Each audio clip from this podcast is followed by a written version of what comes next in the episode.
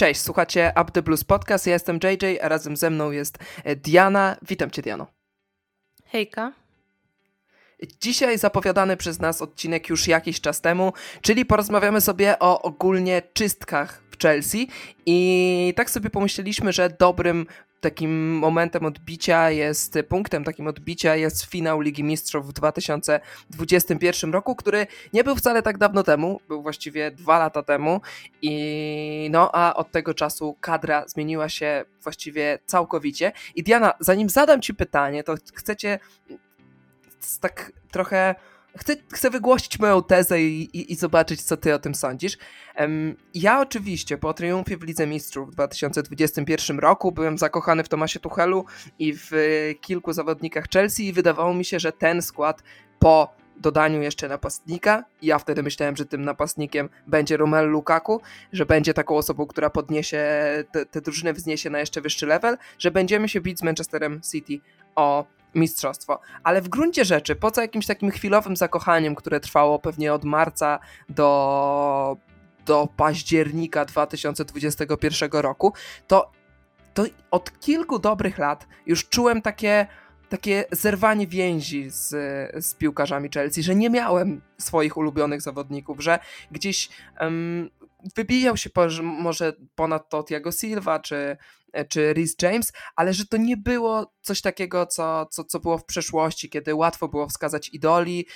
Chelsea miała zawodników, za których kibice wręcz chcieli skakać w ogień, że coś z tym składem już było nie tak i że gdyby nie jakieś moje zaślepienie tym triumfem w Lidze Mistrzów, to dla mnie ta, te, te czystki i ta transformacja, bez względu na zmianę właścicieli, byłaby czymś naturalnym. Pewnie tak. Y, no tak jak wspomniałeś, trochę byliśmy na tym, y, na tym hypie takim zwycięstwa w Lidze Mistrzów, bo przecież w Lidze nie szło nam aż tak wybitnie wtedy. Ale no, po tym jak zdobyliśmy Ligę Mistrzów, no to wszyscy byli tacy... Oczekiwania na następny sezon były bardzo duże. Y, no i, i szybko się zweryfikowały. Tak jak wspomniałeś w październiku, no to tutaj mamy ten słynny mecz z Juventusem, gdzie chyba to Wojciech Szczęsny mówił, że wtedy grał z najlepszą drużyną na świecie, a to w tym meczu ta drużyna najlepsza na świecie przestała istnieć. I tak jak wspominasz, no my kibicujemy tej Chelsea już bardzo długo. Ja też miałam okresy, gdzie bardziej się jakby jarałam zawodnikami, którzy grali w tym klubie i z którymi bardziej się utożsamiałam, czy nawet bardziej im po prostu kibicowałam i byli bardziej moimi idolami to wydaje mi się, że taki erę bycia idolem, no to dla mnie się zakończyła pewnie na Edenie Azardzie, a era ulubionych zawodników dalej trwa, chociaż teraz e, nie mam aż tak ulubionego zawodnika w klubie jak miałam. Pewnie najbliżej będzie do Risa Jamesa, tak jak w Twoim przypadku.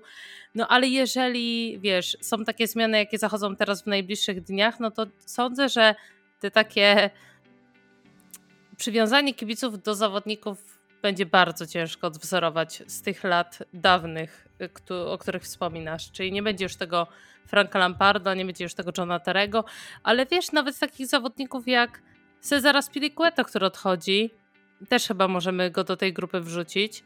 E, pewnie się ze mną zgodzisz. Tylko, że to, to, co ja chcę powiedzieć, bo ja się z tobą zgadzam, mm. ale to, co ja chcę teraz powiedzieć, to to, że e, nie ma tej więzi nie dlatego, że ci zawodnicy odchodzą. Ci zawodnicy odchodzą, ponieważ nie ma więzi, ponieważ nie ma wyników i że na początku było to, że ci zawodnicy no, nie przyjęli się w tej drużynie, nie, nie czuli się w niej dobrze. Jak ja patrzę na, na, na tych piłkarzy, to już już wtedy było widać, że część z nich się męczy w koszulce Chelsea, że nie ma, mhm. nie ma w nich takiej dumy, czy nawet nie ma radości po prostu z występowania w tym zespole. O to mi chodzi, że no. ta czystka jest mhm. konsekwencją tego, co, jak zdegradowany jest ten zespół, nie tylko piłkarsko, ale też emocjonalnie, bo oczywiście przede wszystkim piłkarsko i na co dzień w tym podcaście rozmawiamy o, o aspektach piłkarskich, ale ponieważ ten odcinek jest bardziej emocjonalny, to no to trzeba też przyznać, że emocjonalnie ci zawodnicy nie byli związani z Chelsea. No nie byli, no nie byli. Ci, którzy byli, byli za słabi, żeby grać w Chelsea też często. E, no ale ta drużyna to też nie była zbytnio kolektywem, nie? Tutaj nie było widać takiego przywiązania do klubu czy do, do czegokolwiek Bardzo często. Poza, po, poza tym krótkim okresem, nie? No bo to na pewno było widać w finale Ligi Mistrzów, że tam no każdy tak, za każdego wiesz, w ogień skakał jakieś, i tyle. No tak. tak. no to to było widać, wiesz, że to nawet y, często przywiązywane te zdjęcia, gdzie widać y, zawodników Chelsea przed me, finałowym meczem, a zawodników City, widać było tą determinację wtedy, nie? Ale mm, no to było chwilowe, nie? My potrafili, potrafiliśmy się spinać chwilowo na te mecze pucharowe, nie? Ale potem, wiesz, miałeś ten mecz ligowy, w którym nie było widać tego samego.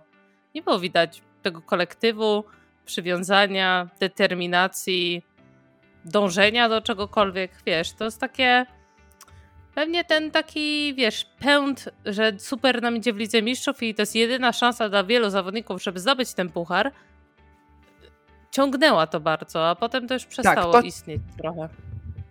Tak, ciągnęła jakieś takie pewnie prywatne, e, prywatne cele, aspiracje niż, niż przywiązanie do, do mhm. barw czy do zespołu. To przejdźmy płynnie do tego, jak się ta kadra zmieniała, bo no bo po to przede wszystkim się tutaj spotkaliśmy. Tak jak powiedziałem, będziemy porównywać z zespołem Chelsea w 2021 roku, pod koniec maja, kiedy wygraliśmy Ligę Mistrzów, czyli to było mniej więcej miesiąc temu, znaczy dwa lata i miesiąc temu. No i zaczynamy od Eduarda Mendiego. I właściwie zanim, zanim przelecimy przez wszystkich zawodników, wydaje mi się, że konsekwencją z kolei tego, że, że, że nie było takiego team spiritu i że nie było tej więzi wewnątrz zespołu, ale też z kibicami, jest to, że nie wiem, czy ktoś czuje jakiś takie, taki emocjonalny, taki prawdziwy smutek, że zawodnicy odchodzą. Wydaje mi się, że poza Masonem Mountem, przy którym niektórzy czują smutek, większość czuje jakieś takie e, zdradzenie, czy, czy, czy takie ma, ma uczucia e, negatywne, to większość z tych zawodników żegnamy bez żalu. I myślę, że to jest też case Eduarda Mendiego, który jest już piłkarzem Ligi Arabii Saudyjskiej. No, taka jest kolej rzeczy chyba, nie? W sensie, co sądzisz o odejściu Mendiego? Yy, raczej żegnamy się bez żalu. Tutaj sytuacja tego wymagała, żeby któryś z dwójki Mendy Kepa odszedł z klubu. No i wydaje mi się, że ten ruch jest raczej normalny. Oczywiście, że będzie mógł pójść do lepszego klubu, ale raczej się żegnamy, mając bardzo dobre, dobre wspomnienia tego, tej historii z Ligi Mistrzów. I potem dochodząc do wniosku, że jednak Mendy nie jest zawodnikiem, który się odnajdzie w naszym systemie, w naszym klubie i że jest bardzo dobrym bramkarzem, który był wtedy wybitnym bramkarzem w formie, ale długo trwało, to nie pyknie, nie? To y, teraz opuszczamy na chwilę pierwszy skład, bo na ławce w finale Ligi Mistrzów y, zasiadł Kepa. Czy nie dziwi cię trochę to, że Kepa nie znalazł się w tym składzie, który odszedł, że, że jego nie dosięgnęła ta miotła? Wiesz co, trochę dziwi, trochę nie dziwi. Y, ja jestem tego zdania, że jeżeli mielibyśmy teraz ściągnąć bramkarza, to trzeba ściągnąć bramkarza na jedynkę, na wiele lat, jakiś super transfer, wydać pieniądze, osiągnąć kogoś zajebistego. A patrząc po raportach, to my chcemy pójść znowu w takie półśrodki, czyli osiągnąć kogoś, żeby rywalizował z Kepą o jedynkę. To jest według mnie stratą pieniędzy i stratą czasu. Albo ściągamy kogoś super, albo jeszcze gramy jeden sezon z Kepą i stawiamy na dwójkę, na przykład na yy, słoninę i patrzymy, co się dzieje bo no ja nie mam pomysłu, no albo wyrzucamy Kepę, Kepa idzie na dwójkę i wstawiamy super bramkarza, albo nie ściągamy nikogo. No to są tylko dwa rozwiązania tylko moim zdaniem. Tych tych super bramkarzy za dużo nie było. Jak ja patrzyłem na kandydatów, na zawodników, którzy byli łączeni z Chelsea, to chyba już lepiej zostać z Kepą, który no niestety ma duże ograniczenia i, i prędzej czy później i tak z tego klubu będzie musiał zostać wypchnięty, mhm. niż grać z, nie wiem, z Messierem, czy, czy nawet, no nie wiem, może Onana jest, nie, jest no, takim Messier kandydatem porządnym. i Raja to były takie półśrodki dla mnie. No, to, to, to, to jest żaden upgrade, nie? Na, na taki klub jak Chelsea, moim zdaniem jeszcze Sanchez był w tej grupie. No to są takie emergency Raja już chyba najlepszy z nich. Raja już chyba najlepszy z nich wszystkich, ale nie no, Sanchez to jest żart, on stracił miejsce w Brighton, e, Messier no ja w ogóle uważam, że to jest najgorszy bramkarz Premier League zeszłego sezonu. No Także i nawet wiesz, nikt się nie zbliżył do niego w tej klasyfikacji Ej, najgorszy. takie nazwiska, wiesz, czytasz takie nazwiska i stwierdzasz, że nie, no dobra, zostajmy już z tym kepop, nie? Ale jak już byś miał na przykład y, ściągnąć Onanę albo teraz nie przypomnę sobie jak nazywa się bramkarz Milanu, no to to już są trochę lepsze opcje, chociaż ja jestem bardzo przeciwna Onanie, ponieważ no nie rozumiem jego fenomenu i nie podoba mi się to, jak on się zachowuje na boisku. Manian. Mm, bramkarz no Milanu. No to to by była chyba najlepsza jest... opcja, ale no droga jak cholera, nie?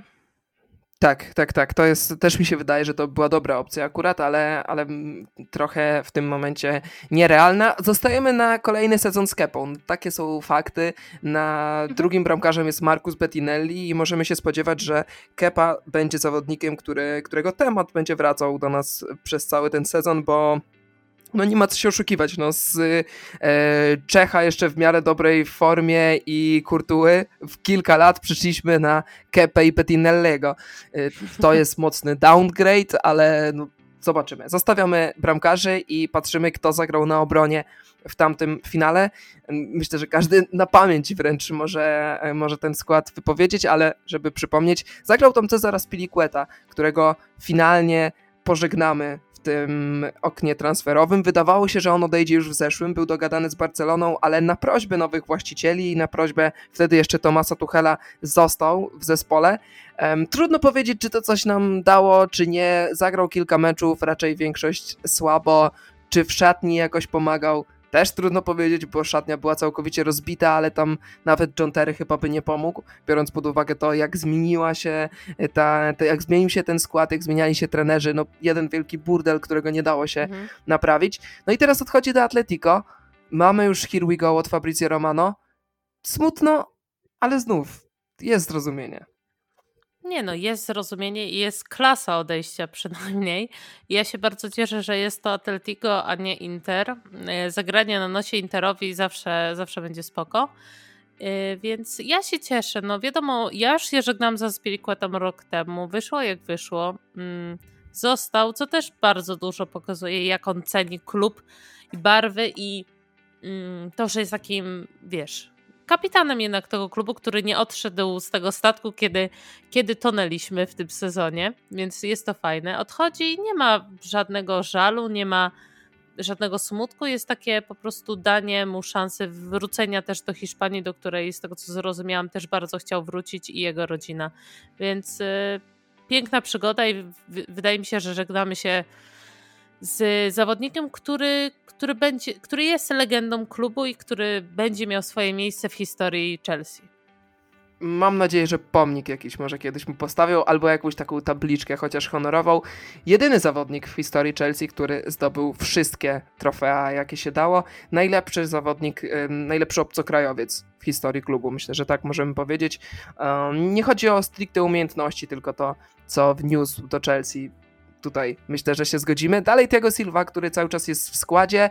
Oczywiście Tiago Silva mm, nie wiadomo do kiedy z nami zostanie, ale na pewno w przyszłym sezonie będzie, dlatego go e, pomijamy. Pierwszy zawodnik na naszej liście, który, który nadal jest w Chelsea. Kolejny Rudiger. I, I tutaj możemy sobie porozmawiać o całej tej rewolucji. Tiago Silva zmienił już w pierwszej połowie Christensen. Nie ma ani Rudigera, ani Christensena. E, na ławce siedział jeszcze Zuma, i no, nie ma już tych zawodników wszystkich. Za nich mamy całkowicie nową linię obrony, o której em, pogadają sobie w najbliższym czasie e, Paweł z Kubą, więc o tym będzie oddzielny podcast, ale, ale może kilka zdań od ciebie, Diana. Ta rewolucja, jeśli chodzi o defensywę, poszła przynajmniej jak teraz tak na to patrzę, najgorzej. I to jest coś, czego najbardziej możemy w przyszłości żałować, co teraz już nawet żałujemy. Nawet jeśli ci zawodnicy długofalowo by w klubie nie zostali, to właściwie każde z tych odejść było, no finalnie wyszło źle. No, finalnie wyszło źle, zarówno pod względem jakimś takim piłkarskim, jak i w ogóle PR-owym, finansowym. Nie wiem, no to, to, to chyba się zalicza do takich najbardziej spektakularnych takich e, dramatów transferowo-kontraktowych e, w ostatnich latach, jeżeli pomijając jakieś tam aktualnie Mounta, bo to jest temat pewnie na osobny odcinek. ale no to jak Chelsea pozwoliła odejść zarówno Rudigerowi, Christensenowi, Zoomie, nie ściągając przy tym kundę, bo to wiadomo, że było powiązane, no to tylko można się z tego śmiać. I wydaje mi się, że szkoda, że chociaż jeden z nich nie został. Ja oczywiście jestem tutaj w mniejszości. Ja chciałam, żeby został Christensen. Większość chciała, żeby został Rudiger. Nie został żaden z różnych powodów. A wydaje mi się, że można było zatrzymać chociaż jednego, który mógł być oparciem yy, aktualnej Chelsea w obronie, jakimś takim zawodnikiem, który mógłby stanowić też o sile Chelsea czy, czy obrony, no bo przecież jakbyśmy zostawili Rudigera, to byśmy pewnie nie ściągali Koulibaly'ego, którego właśnie pożegnaliśmy, yy, a ściągnęliśmy go za duże pieniądze z dużym kontraktem. Jakby został Christensen, no to byśmy mieli naturalnego zmiennika Tiago Silva w przyszłości, więc no ciężko powiedzieć.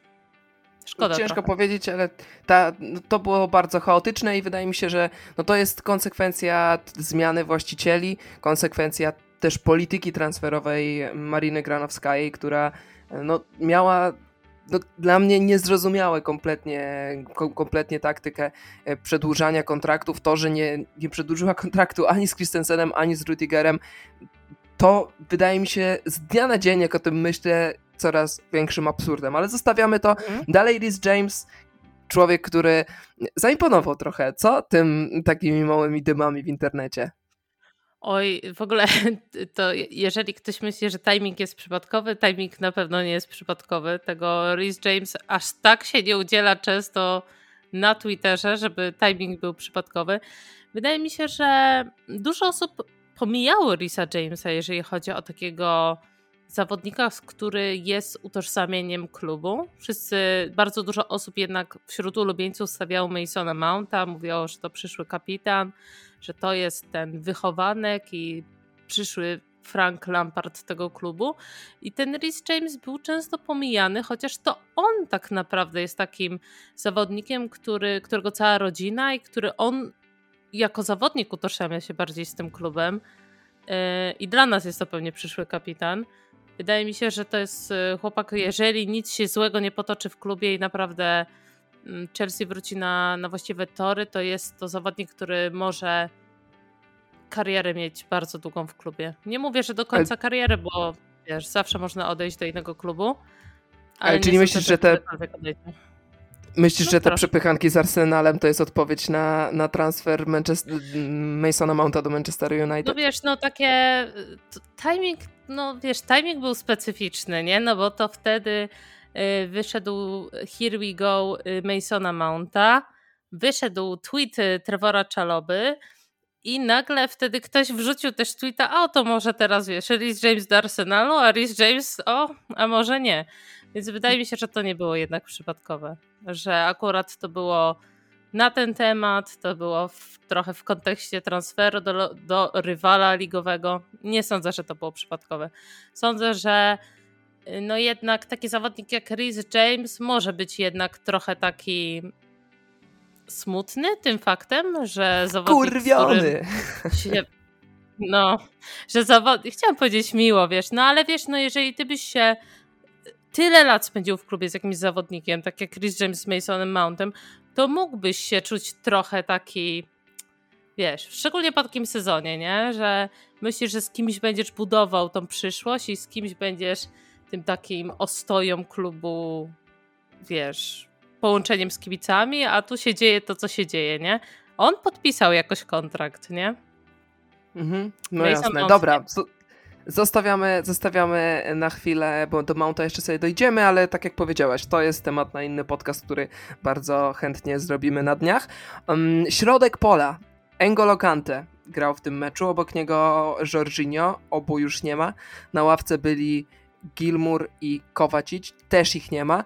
Y, środek pola trochę przeszedł tak samo mm, gruntowną przebudowę w szybkim czasie jak, jak środek obrony z tym, że jeszcze nie mamy, trudno nam jeszcze ocenić, bo jeszcze nie zobaczyliśmy y, tej, tej nowej twarzy środka pomocy Chelsea, ale mhm. tu znów cię tak zestawię z taką moją tezą, że, że znów te zmiany były raczej oczywiste. To było, no N'Golo Kante po prostu łapał ciągle kontuzję i, i wiadomo było, że prędzej czy później odejdzie. Jorginho wtedy ja myślałem, że pogra trochę dłużej, ale, ale nie zdziwiło mnie bardzo, że, że po półtora roku już odszedł. Tak się mu kończył kontrakt i wiadomo było, że albo przedłuży y, o jeszcze, nie wiem, rok, dwa, albo odejdzie. W tym momencie, w jakim jest Chelsea, taki zawodnik jak Jorginho w ogóle by nie pomógł i by marnował swój potencjał, więc też w miarę mhm. normalnie. Teraz do tego odszedł Mateo Kovacic.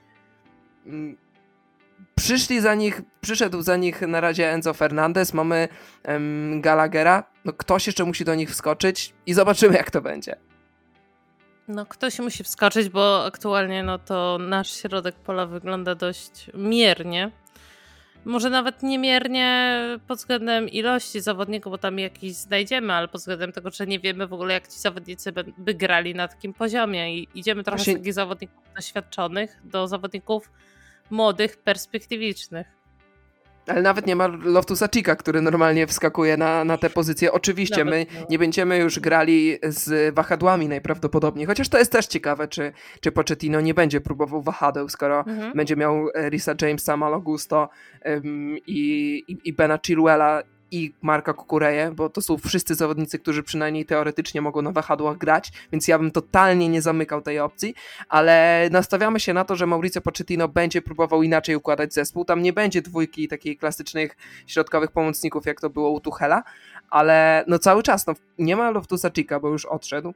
Jest Andrzej Santos, który grał w Brazylii, jest jeszcze nastolatkiem. Mm, no, obok Enzo nie mamy takiej oczywistej opcji. No transfer Caicedo, transfer Caicedo wydaje się, wydaje się obowiązkiem, a właściwie od tygodnia czy, czy półtora nie słyszeliśmy żadnych nowych plotek. No tak, no Fabrizio Romano pisze od dwóch tygodni ciągle to samo, tylko z innymi, z użyciem innych słów, no ale aktualnie mamy jedną wielką dziurę, no bo z całym szacunkiem, ale no ani Santos, ani Casadei, ani Chukwuemeka no to, to nie są zawodnicy, którzy moim zdaniem z automatu mogą wejść do Chelsea pierwszego składu i do, do Premier League. Jednak rozumiem, że robią szum, fajnie wychodzą raporty, ale te raporty równocześnie mówią, że to nie są zawodnicy, którzy nadają się na ten poziom, że to są zawodnicy, którzy, którzy wymagają co najmniej jednego, dwóch wypożyczeń, albo mogą być trochę takim zapchaniem składu. No jednak ja myślałam, tak jak już wspomniałam przy obronie, że chociaż jeden z tych zawodników zostanie z tej trójki Kante, Kovacic, Jorginho. No, dużo się myślało o tym, że zostanie Kante, jednak kontuzje trochę to zweryfikowały, no ale tu też wracamy dalej do sytuacji kontraktowej, gdzie pozwoliliśmy znowu mieć sytuację, że wszystkim się nagle kończą kontrakty w tym samym czasie, bo nikt nie pomyślał, żeby po sukcesie w Lidze Mistrzów usiąść do rozmów trans, y, kontraktowych, jeżeli zawodnikowi się kończy kontrakt dopiero na przykład za dwa lata i ze wszystkimi nagle rozmawiamy, jak zostaje im rok. Mhm, no według mnie tutaj akurat y, te kontrakty wiele nie zmieniły. Może jakieś kwoty transferowe po prostu. Może byśmy Kantę no sprzedali tak, no. a nie odszedłby za darmo, ale, ale że każdy z tych zawodników był już wypalony i no i był trochę każdy z nich, znaczy Kante nie, ale myślę, że na przykład Kowacic był takim trochę symbolem ostatnich lat, że, że były cały czas nadzieje, każdy wiedział, że ten zawodnik umie grać, ale nigdy nie, nie grał, znaczy właściwie miał tylko kilka meczów, gdzie grał naprawdę topowo i mhm.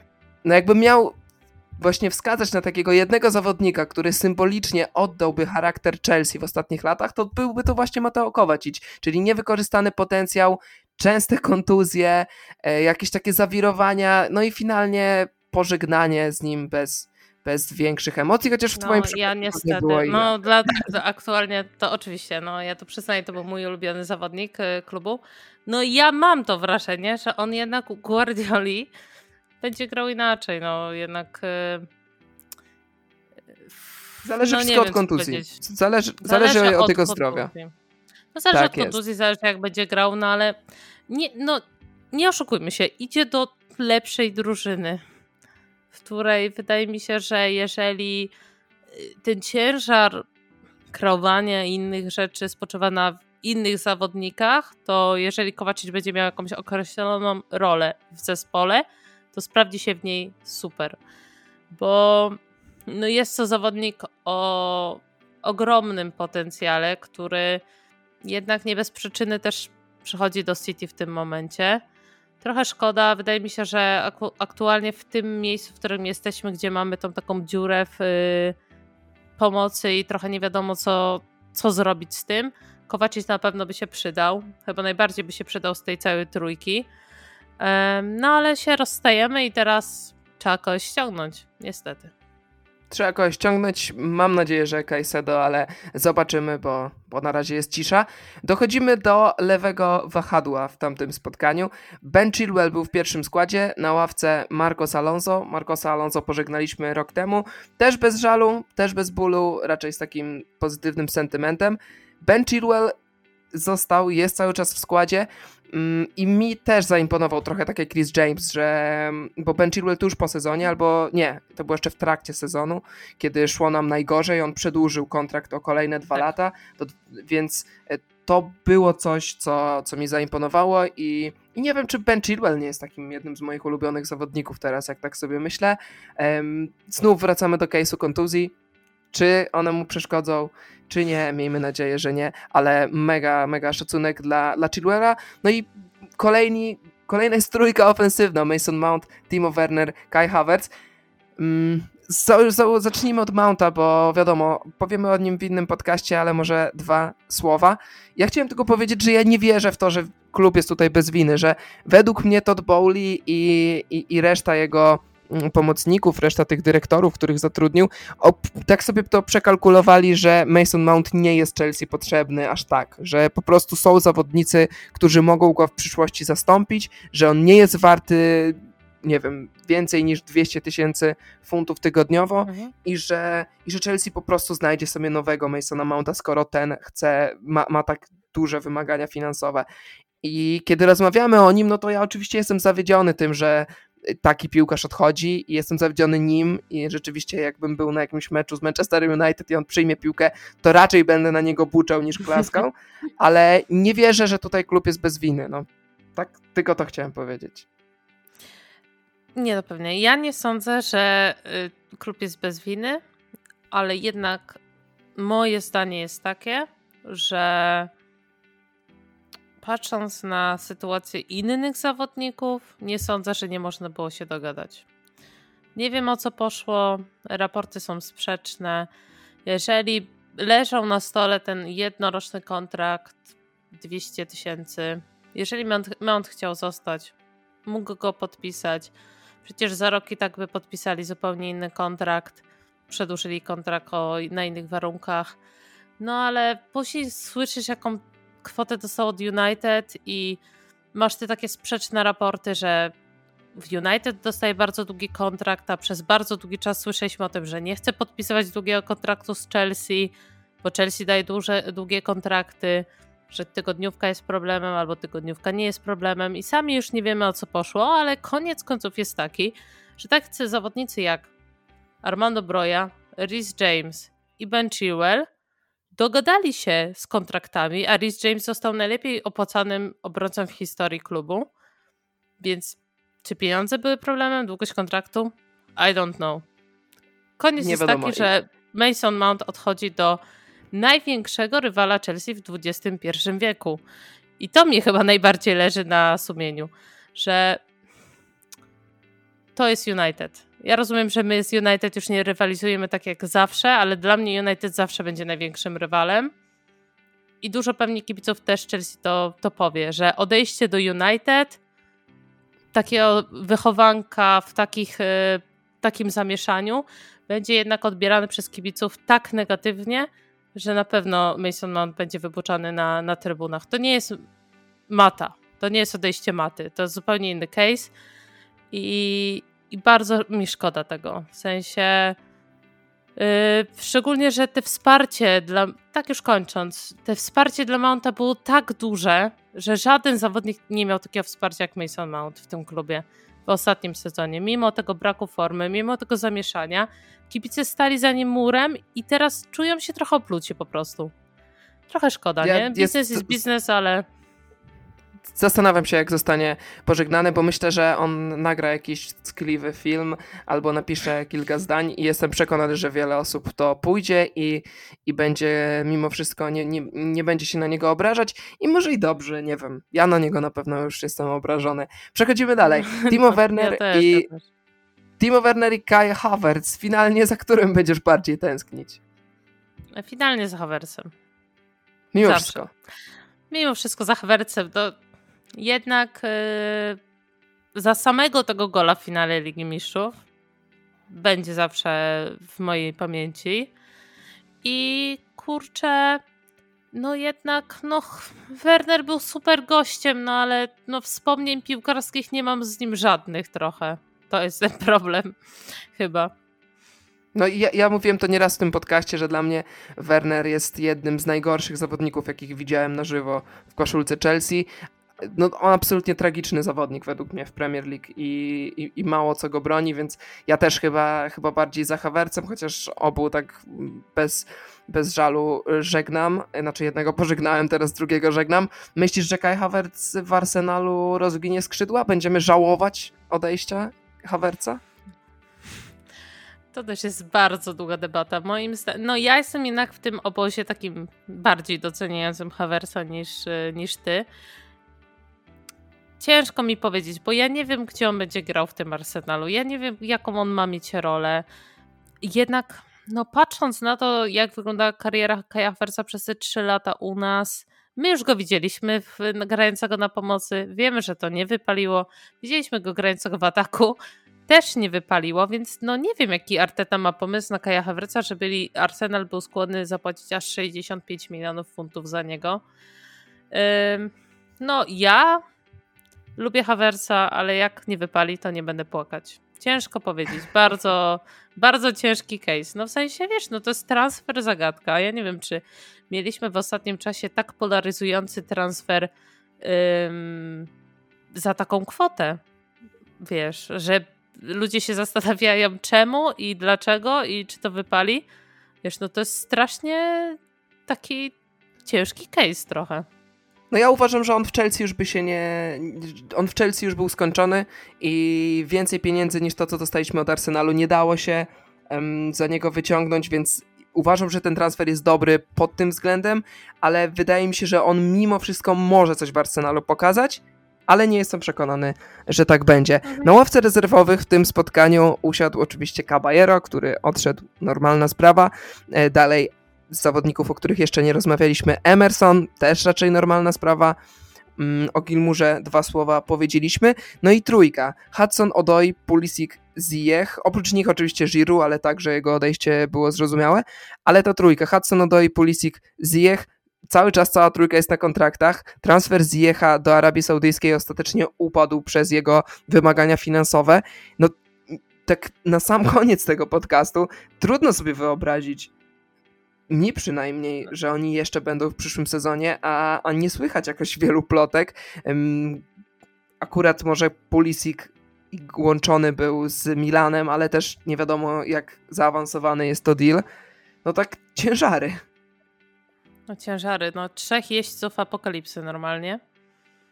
Ja po prostu nie mogę. No, ja po prostu je, jak odejdzie trójka z klubu, to ja po prostu trzy szampany kupię i trzy szampany otworzę. Po prostu je, ten jeden, czyli Zjech, ja już po prostu tracę cierpliwość. Ja naprawdę, ja. Ile, ile transferów mogę, jeszcze no. upadnie z nim? Nie, nie wiem, ile? nie wiem człowiek po prostu, nieszczęśliwy człowiek, który cały czas no, wiatr mu w oczy i po prostu my się nie poznaliśmy na jego talencie, wszystko idzie, wiesz, przeciwko niemu. Z ich jest wybitny.